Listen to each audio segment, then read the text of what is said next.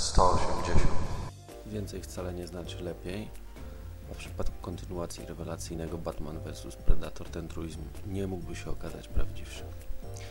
Tak Męcz napisał kilka dobrych scenariuszy, chociażby jego Elseworldy z wampirami czy Haunted Gotham, ale ta kontynuacja nie należy do tej grupy. Batman pokonał mistrza, więc drapieżcy odeszli, aby nigdy nie wrócić. Na nieszczęście znalazł się renegat, który postanowił pomścić mistrza. Batman ma tymczasem kupę zmartwień na głowie, bo na rzeczoną pewien gangster wyznaczył gigantyczną nagrodę i ściga go aż siedmiu zabójców.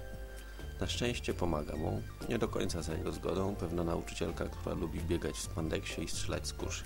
Huntress, bo o niej mowa, poluje na gangstera, który poluje na Batmana, bo tamten handluje prochami, od których zaćpał się jej uczeń. Macie dosyć? Nie? Predator zaczyna wyżynać po kolei zabójców, którzy robią mu konkurencję. Potem kradnie reflektor z bat sygnałem, zabija policjantów, chowa się w lesie, Huntress ratuje dupę Batmanowi, a z kosmosu przybywa dwóch kolejnych drapieżców, aby renegata złapać i przykładnie ukarać.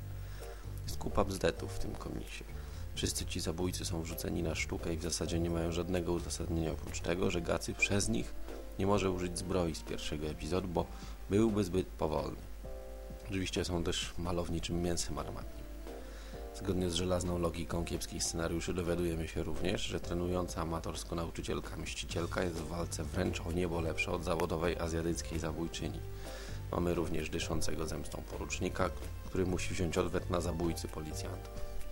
Co za dużo, to niezdrowo. Męcz wrzucił do tego wora masę rzeczy i z tej masy sporo to zwykłe bzdury. Niestety. Razem efekt jest okropny. Rysunki są na przyzwoitym poziomie. Paul Gulassi to facet, który zna się na rzeczy, chociaż ja osobiście nigdy za nim nie przepadałem. Jest coś takiego w jego kresce, że bardziej pasowałaby do spandeksu z Marvela niż do mrocznego ponoć rycerza.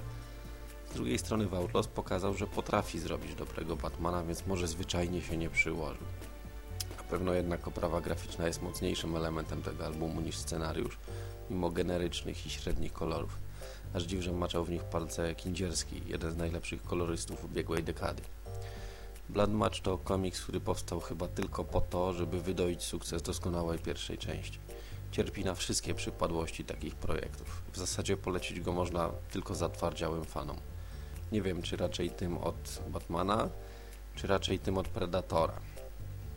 Za to ma świetną okładkę, namalowaną przez Simona Beasleya. Stanowczo najlepszy element tego komiksu. Pozdrawiam. Godaj.